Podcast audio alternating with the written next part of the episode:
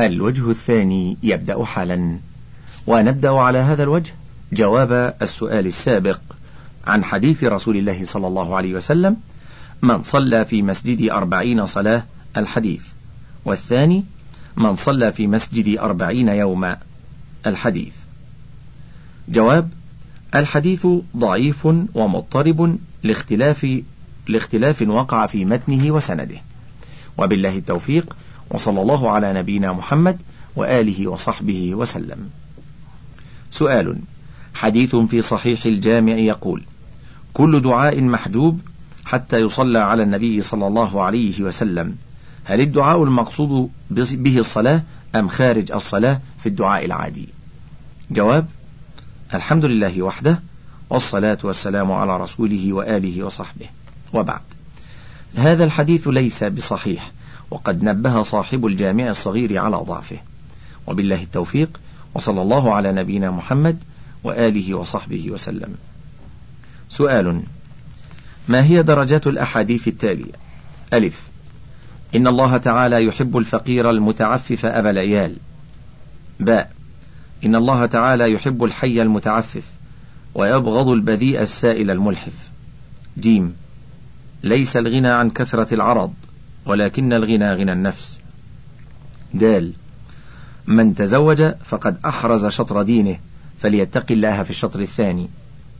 هاء النظرة سهم مسهوم مسموم من سهام إبليس فمن تركها خوفا من الله تعالى أعطاه الله تعالى إيمانا يجد حلاوته في قلبه.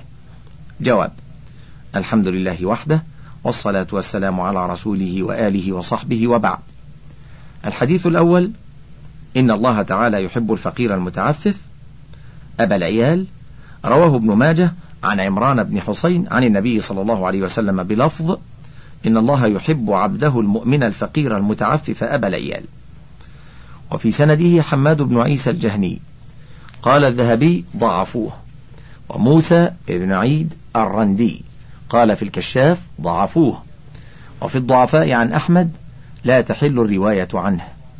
وفي سنده أيضا القاسم بن مهران لم يسمع من عمران بن حسين وقال الحافظ العراقي سنده ضعيف. وقال السخاوي لكن له شواهد. ورمز له السيوطي في كتابه الجامع الصغير براموز الحسن. أما الحديث رقم باء إن الله تعالى يحب الحي المتعفف ويبغض البذيء السائل الملحف رواه البزار عن أبي هريرة عن النبي صلى الله عليه وسلم أنه قال لا يؤمن عبد حتى يأمن جاره بوائقه. ومن كان يؤمن بالله واليوم الآخر فليقل خيرا أو ليصمت. إن الله يحب الحي الحليم المتعفف ويبغض البذيء الفاجر السائل الملح. وقال الهيثمي في مجمع الزوائد بعد ذكره فيه محمد بن كثير وهو ضعيف جدا. وذكر الطبراني له عن ابن مسعود رضي الله عنه ثم قال فيه سوار بن مصعب وهو متروك. انتهى كلامه. لكن الجملة الأولى والجملة الثانية ثابتتان في الصحيحين. الحديث رقم جيم ليس الغنى عن كثرة العرض إلى آخر الحديث. رواه البخاري ومسلم وأبو داود والنسائي والترمذي عن أبي هريرة رضي الله عنه مرفوعا بلفظ ليس الغنى عن كثرة العرض إنما الغنى غنى النفس. الحديث رقم دال. من تزوج فقد أحرز شطر دينه فليتق الله في الشطر الثاني. أخرجه ابن الجوزي في العلل. عن أنس رضي الله عنه مرفوعا وقال لا يصح. ورواه الطبراني في معاجمه عن أنس مرفوعا بلفظ من تزوج فقد استكمل نصف الإيمان فليتق الله في النصف الباقي. قال الحافظ العراقي سنده ضعيف. ورواه الحاكم في المستدرك عن أنس رضي الله عنه مرفوعا بلفظ من رزقه الله امرأة صالحة فقد أعانه الله على شطر دينه فليتق الله في الشطر الباقي. ورمز له السيوطي في الجامع الصغير بالصحة. الحديث رقم هاء النظرة سهم مسموم من سهام إبليس. الحديث رواه الطبراني بسنده عن عبد الله بن مسعود رضي الله عنه أن النبي صلى الله عليه وسلم قال النظر سهم من سهام إبليس مسموم. من تركه بعد مخافته أبدلته إيمانا يجد حلاوته في قلبه. وبالله التوفيق وصلى الله على نبينا محمد وآله وصحبه وسلم. سؤال ما مدى صحة الحديث الذي ورد؟ إذا رأيتم الرجل يعتاد المسجد فاشهدوا له بالإيمان أو كما ورد. جواب الحمد لله وحده والصلاة والسلام على رسوله وصحبه وبعد. هذا الحديث رواه الإمام أحمد والترمذي وابن ماجه وابن خزيمة وابن حبان والحاكم والبيهقي عن أبي سعيد الخدري عن النبي صلى الله عليه وسلم. وقال الترمذي فيه حسن غريب. وقال الحاكم ترجمة صحيحة مصرية. وتعقبه الذهبي بأن فيه دراج بن سمعان وهو كثير المناكير. وهو في روايته عن أبي الهيثم أشد ضعفا من روايته عن غيره. وقال مغلطاي في شرح سنن ابن ماجه حديث ضعيف. ورمز له السيوطي في كتابه الجامع الصغير برموز الصحة. وقال الإمام أحمد حديث لدراج منكر. وقال الدارقطني في موضع دراج ضعيف. وفي آخر دراج متروك. سؤال ما مدى صحة الحديث الذي ورد في مسح الوجه بالكفين بعد الدعاء؟ سواء في القنوت أم غيره أو النفث فيهما ثم المسح بهما على سائر الجسم أو بعضه عند آية مناسبة. يرفع فيها أكف الضراعة إلى الله وما رأيكم بجواز ذلك أو عدمه؟ جواب أولا عند ابن ماجه إذا دعوت الله فادعو ببطون كفيك ولا تدعو بظهورهما. فإذا فرغت فامسح بهما وجهك. رواه ابن ماجه عن ابن عباس رضي الله عنهما. وذكره السيوطي في الجامع الصغير ورمز له براموز الحسن. ولكن قال ابن الجوزي لا يصح. فيه صالح بن حسان متروك. وقال ابن حبان كان صاحب قينات وسماع وكان يروي الموضوعات عن الأثبات. وضعفه أحمد وابن معين وأبو داود وأبو حاتم والدار قطني. وقال البخاري منكر الحديث. وقال أبو نعيم الأصبهاني منكر الحديث متروك. ثانيا نصه عند الترمذي هكذا.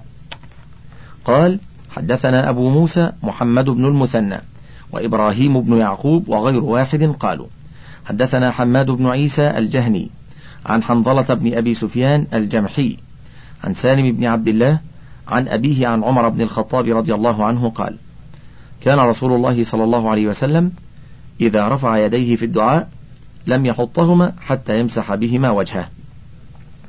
قال محمد بن المثنى في حديثه لم يردهما حتى يمسح بهما وجهه. قال أبو عيسى هذا حديث صحيح غريب لا نعرفه إلا من حديث حماد بن عيسى وقد تفرد به وهو قليل الحديث. وحنظلة بن أبي سفيان وثقه يحيى بن سعيد القطان. انتهى. ولكن في سنده حماد بن عيسى وهو ضعيف. وقد تفرد به على ما ذكره الترمذي. وإذا كان الدعاء عبادة مشروعة ولم يثبت في مسح الوجه بالكفين عاقبة سنة قولية ولا عملية بل روي ذلك من طرق ضعيفة فمسح الوجه بهما بعد الدعاء غير مشروع. وبالله التوفيق وصلى الله على نبينا محمد وآله وصحبه وسلم. سؤال قرأت في آخر تفسير ابن كثير قوله ذكر الدعاء المأثور لتحفيظ القرآن وطرد النسيان باختصار. السند عن ابن عباس قال قال علي بن أبي طالب يا رسول الله القرآن يتفلت من صدري. فقال النبي صلى الله عليه وسلم أعلمك كلمات ينفعك الله بهن وينفع من علمته. قال نعم بأبي أنت وأمي. قال صلي ليلة الجمعة أربع ركعات. تقرأ في الركعة الأولى بفاتحة الكتاب. وياسين. وفي الثانية بفاتحة الكتاب وبحاميم الدخان. وفي الثالثة بفاتحة الكتاب وبحاميم تنزيل السجدة. وفي الرابعة بفاتحة الكتاب وتبارك المفصل. فإذا فرغت من التشهد فاحمد الله وأثني عليه وصل على النبيين واستغفر للمؤمنين. ثم قل اللهم ارحمني بترك المعاصي أبدا ما أبقيتني. وارحمني من أن أتكلف ما لا يعينني. وارزقني حسن النظر فيما يرضيك عني. اللهم بديع السماوات والأرض ذا الجلال والإكرام والعزة التي لا ترام. أسألك يا الله يا رحمن بجلالك ونور وجهك أن تلزم قلبي حب كتابك كما علمتني. وارزقني أن أتلوه على النحو الذي يرضيك عني وأسألك أن تنور بالكتاب بصري وتطلق به لساني وتفرج به عن قلبي وتشرح به صدري وتستعمل به بدني وتقويني على ذلك وتعينني عليه. فإنه لا يعينني على الخير غيرك ولا موفق له إلا أنت. فافعل ذلك ثلاث جمع أو خمسا أو سبعة تحفظه بإذن الله وما أخطأ مؤمنا قط. فأتى النبي صلى الله عليه وسلم بعد ذلك بسبع جمع فأخبره بحفظ القرآن والحديث. فقال النبي صلى الله عليه وسلم مؤمن ورب الكعبة. علم أبا الحسن علم أبا الحسن وهذا سياق الطبراني فالمرجو من سماحة الشيخ أن يجيب على هذه التساؤلات. واحد هل الحديث صحيح أم ضعيف؟ اثنان هل يعمل بالحديث الضعيف أو المرسل أو المعلق؟ أو غيره في العبارة مثل هذا الحديث إن كان ضعيفا وخصوصا عبادة الصلاة وفضلها العظيم. ثلاثة هل هذا لا يؤثر في العقيدة؟ جواب الحمد لله وحده والصلاة والسلام على رسوله وآله وصحبه وبعد. أولا هذا الحديث قال فيه ابن كثير من البين غرابته بل نكارته انتهى كلام ابن كثير. ونحن لا نعلم طريقا من طرقه يدل على ثبوته. ثانيا الأحاديث التي لا تقوم بها حجة لا يعتمد عليها في التشريع وننصحك بالرجوع إلى قراءة مصطلح الحديث. ونخص من ذلك مقدمة ابن صلاح ونخبة الفكر لابن حجر وشرحها نزهة النظر له أيضا حتى تتمكن من معرفة ما يحتج به من الأحاديث وما لا يحتج به على التفصيل. ثالثا لا مانع من استعمال هذا الدعاء لأنه دعاء طيب ليس فيه محظور شرعا ولكن بدون الصلاة المذكورة لعدم الدليل على شرعيتها.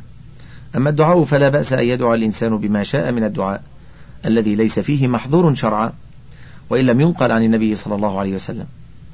ثم لما ثبت في الصحيحين عن النبي صلى الله عليه وسلم أنه لما علم أصحابه التشهد قال ثم ليتخير من الدعاء أعجبه إليه فيدعو. وفي لفظ آخر قال عليه الصلاة والسلام ثم ليختر من المسألة ما شاء.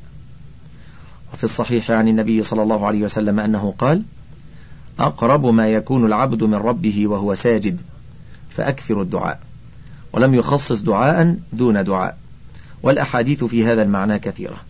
وبالله التوفيق وصلى الله على نبينا محمد وآله وصحبه وسلم. سؤال بناء على ما جاء في كتاب قصص الأنبياء لابن كثير أنه يوجد نبي من أنبياء الله اسمه حنظلة بن صفوان. مع العلم أنه سبق أن نشرت عدة كتب ومؤلفات لم تتضمن اسم هذا النبي. فرجاء منكم أن تتفضلوا علينا الإجابة الصحيحة. وكذلك إرشادنا إلى أي مؤلف أو كتاب ذكر فيه اسم هذا النبي. كما نطلب منكم توضيح من هو العبد الأسود الذي سيدخل الجنة هو الأول. وطبعا إن الحافظ ابن كثير أشار إليه في نفس الكتاب المذكور قصص الأنبياء. في الجزء الأول الصفحة التاسعة والثلاثين بعد المئتين في باب أصحاب الرس المجلد الصادر عن دار مصر للطباعة. جواب الحمد لله وحده والصلاة والسلام على رسوله وآله وصحبه وبعد. ما ذكر من أن الله تعالى بعث نبيا يسمى حنظلة بن صفوان وأن قومه قتلوه. نقله ابن كثير عن السهيلي في كتاب البداية. ولم يذكر السهيلي ولا ابن كثير له سند ولم ينسبه لأحد. ومثل هذا لا يعتمد عليه. وحديث إن أول الناس يدخل الجنة يوم القيامة العبد الأسود غير صحيح. فيما نعلم وقد ذكره ابن كثير في البداية. وقال إنه مرسل. لأن محمد بن كعب القرضي لم يدرك النبي صلى الله عليه وسلم. وبالله التوفيق صلى الله على نبينا محمد وآله وصحبه وسلم. سؤال قال رسول الله صلى الله عليه وسلم الهوى مغفرة لصاحبه ما لم يعمل به أو يتكلم. رواه أبو نعيم وقال صلى الله عليه وسلم عليكم بلا إله إلا الله والاستغفار فأكثروا منهما. فإن إبليس قال أهلكت الناس بالذنوب وأهلكوني بلا إله إلا الله والاستغفار. فلما رأيت ذلك أهلكتهم بالأهواء وهم يحسبون أنهم مهتدون. رواه أبو يعلى عن أبي بكر. ما معنى ما تشابه في الحديثين؟ الهوى مغفرة وأهلكتهم بالأهواء. جواب الحمد لله وحده والصلاة والسلام على رسوله وآله وصحبه وبعد. الحديث الأول لا نعرف صحته والحديث الصحيح المشهور في هذا الباب هو ما رواه البخاري ومسلم رحمهما الله في الصحيحين. عن أبي هريرة رضي الله عنه عن النبي صلى الله عليه وسلم أنه قال إن الله تجاوز عن أمتي ما حدثت به أنفسها ما لم تعمل أو تتكلم. أما الحديث الثاني فقد عزاه السيوطي في الجامع الصغير إلى أبي يعلى ورمز له بعلامة الضعيف والمراد بالأهواء البدع. وبالله التوفيق وصلى الله على نبينا محمد وآله وصحبه وسلم. سؤال ما مدى صحة حديث إذا طنت أذن أحدكم فليذكرني وليصلي علي وليقل ذكر الله من ذكرني؟ جواب الحمد لله وحده والصلاة والسلام على رسوله وآله وصحبه وبعد. لم يصح عن النبي صلى الله عليه وسلم بل هو ضعيف وبالله التوفيق وصلى الله على نبينا محمد وآله وصحبه وسلم. سؤال أرفق لسماحتكم نسخة من منشور وجدته في أحد المساجد بالرياض وهو يتضمن حديثا رواه الإمام أحمد بن حنبل رحمه الله. وقد قرأت الحديث أثناء وجودي في المسجد وسألني عن صحته بعض الحاضرين والتمست ذلك في مسانيد خالد رضي الله عنه من كتاب المسند للإمام أحمد وغيره. فلم أعثر على هذا الحديث. ووجدت في نفسي شيئا منه.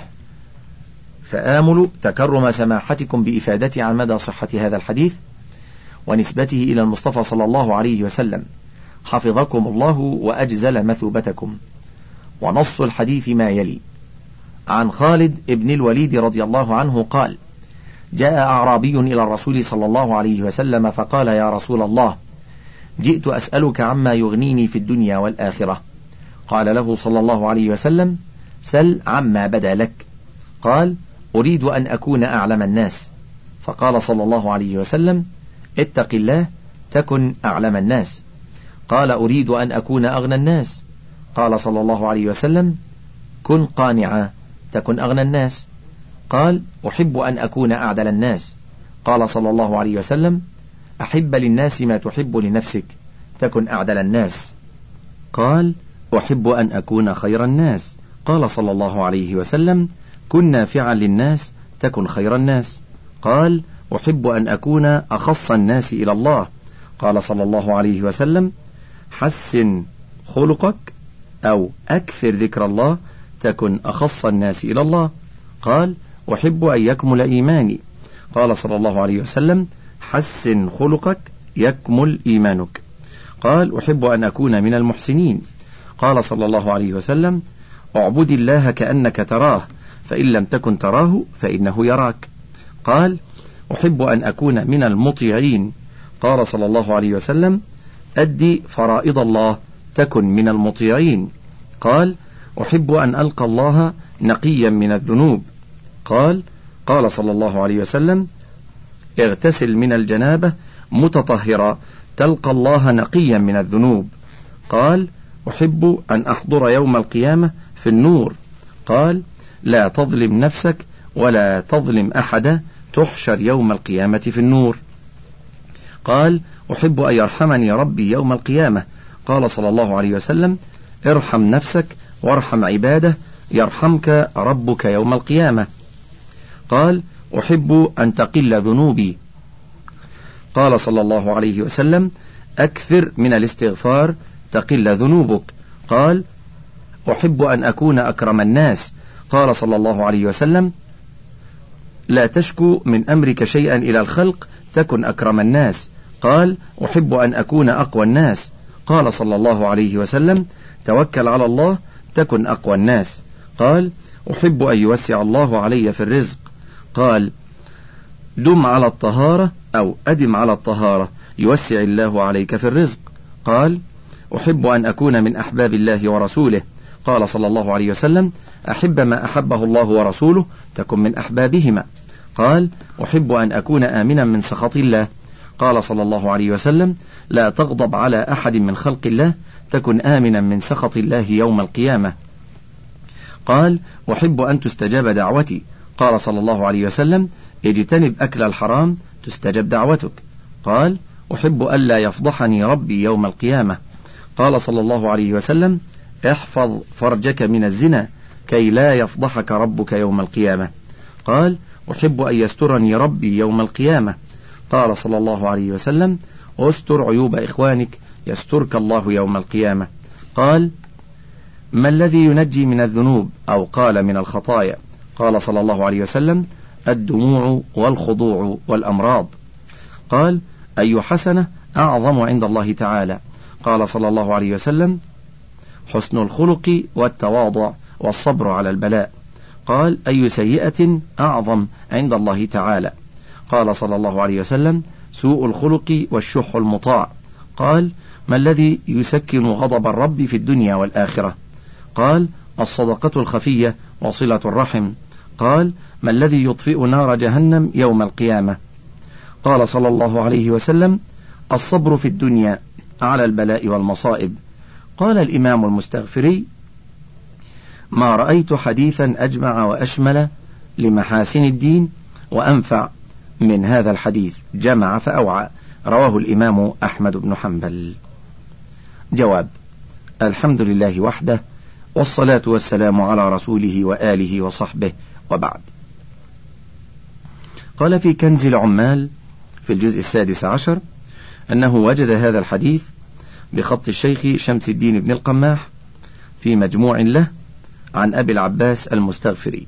قال قصدت مصر أريد طلب العلم من الإمام أبي حامد المصري والتمست منه حديث خالد بن الوليد فأمرني بصوم سنة ثم عاودته في ذلك فأخبرني بإسناده عن مشايخه إلى خالد بن الوليد قال جاء رجل إلى النبي صلى الله عليه وسلم فقال إني سائلك في الدنيا والآخرة. فقال رسول الله صلى الله عليه وسلم سل عما بدا لك إلى آخر الحديث المذكور. وبهذا تعلم أن الحديث غير صحيح لما في سنده من المجاهيل. وبالله التوفيق وصلى الله على نبينا محمد وآله وصحبه وسلم. سؤال أرجو الإفادة عن صحة الأحاديث الآتية. الأول من حج البيت ولم يزرني فقد جفاني. الثاني من زارني بعد موتي فكأنما زار في حياتي. الثالث من زارني بالمدينة محتسبا كنت له شفيعا شهيدا يوم القيامة. لأنها وردت في بعض الكتب وحصل منها إشكال واختلفت فيها على رأيين. أحدهما يؤيد هذه الأحاديث والثاني لا يؤيدها. جواب الحمد لله وحده والصلاة والسلام على رسوله وآله وصحبه وبعد.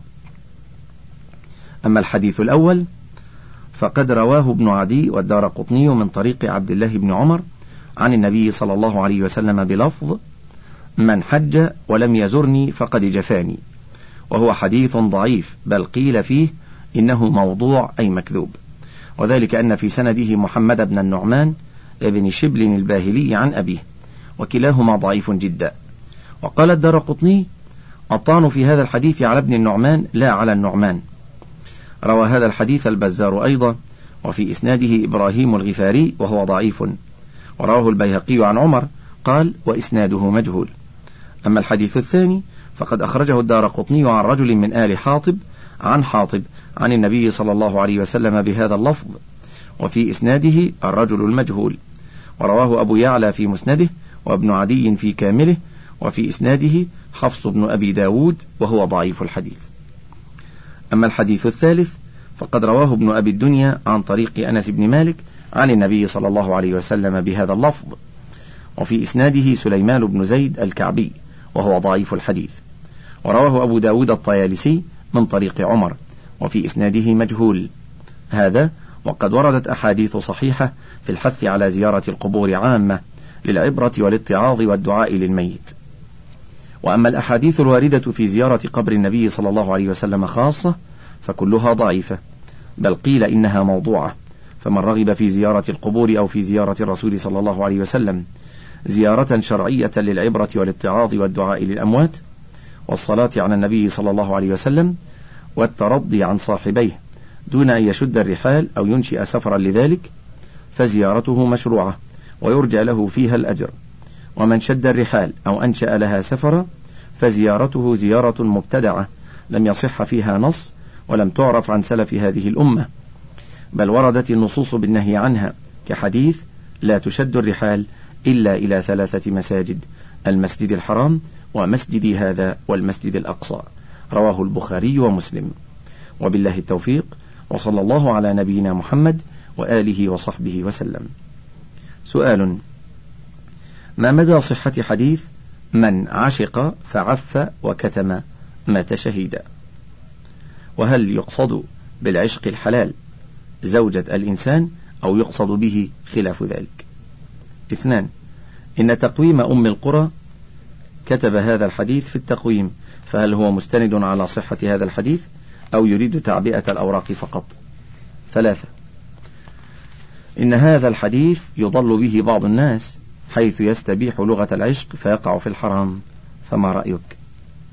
جواب الحمد لله وحده والصلاة والسلام على رسوله وآله وصحبه وبعد. هذا الحديث روي من عدة طرق بألفاظ مختلفة لكن لا يصح شيء منها. فروي من طريق سويد بن سعيد عن علي بن مسهر عن أبي يحيى القتات عن مجاهد عن ابن عباس عن النبي صلى الله عليه وسلم. ومن طريق سويد عن علي بن مسهر عن هشام بن عروة عن أبيه عن عائشة عن النبي صلى الله عليه وسلم. وقد أنكر على سويد رواية هذا الحديث من قبل جماعة من أئمة الحديث منهم أبو أحمد بن عدي والبيهقي والحاكم وابن طاهر ويحيى بن معين. وقال هو ساقط كذاب. وذكر ابن الجوزي هذا الحديث في الموضوعات. وقال الإمام أحمد في سويد بن سعيد إنه متروك الحديث. وقال النسائي ليس بثقة. وقال البخاري كان قد عمي فتلقن ما ليس من حديثه. وقال ابن حبان يأتي بالمعضلات عن الثقات يجب اجتناب ما روى. وقال أبو حاتم الرازي صدوق كثير التدليس. واعتذر مسلم عن إخراجه حديثه في صحيحه بأنه لم يأخذ عنه إلا ما كان عاليا. وتوبع عليه. ولأجل هذا أعرض عن رواية هذا الحديث في صحيحه. وقد روى هذا الحديث الحاكم من طريق محمد بن داود بن علي الطاهري عن أبيه عن سويد وتعجب منه. وأخرجه ابن الجوزي من طريق محمد بن المرزبان عن أبي بكر الأزرق عن سويد. وما تقدم من الطعن في سويد كاف في رد هذا الحديث من طريقه. وقد روي هذا الحديث من غير طريق سويد فرواه ابن الجوزي في العلل من طريق ابن عيسى عن ابن أبي نجيح عن مجاهد عن ابن عباس. وضعف أحمد بن حنبل يعقوب. ورواه الخطيب من طريق الزبير بن بكار عن عبد الملك ابن الماجشون عن عبد العزيز ابن أبي حازم عن ابن أبي نجيح عن مجاهد عن ابن عباس. وعبد الملك هو ابن عبد العزيز الماجشون كان فقيها لكنه ضعيف في الحديث. قال أبو داود كان لا يعقل الحديث. وقال الساجي ضعيف الحديث صاحب رأي. وقال مصعب الزبيري كان يفتي وكان ضعيفا في الحديث. وقال ابن حجر في التخليص الحبير وهذه الطريق غلط فيها بعض الرواة فأدخل إسنادا في إسناد. وقد قوى بعضهم هذا الخبر حتى يقال إن أبا الوليد الباجي نظم في ذلك. إذا مات المحب جوا وعشقا فتلك شهادة يا صاح حقا. رواه لنا ثقات عن ثقات إلى الحبر بن عباس ترقى. ولكن ما تقدم من الجرح المبين في سويد بقبوله التلقين بعد أن عمي وبتدليسه وقد عنعن في روايته عمن فوقه ورواية المناكير كاف في الحكم بعدم صحة هذا الحديث. انتهى الشريط التاسع والأربعون من فتاوى اللجنة الدائمة للبحوث العلمية والإفتاء وله بقية على الشريط الخمسين إن شاء الله.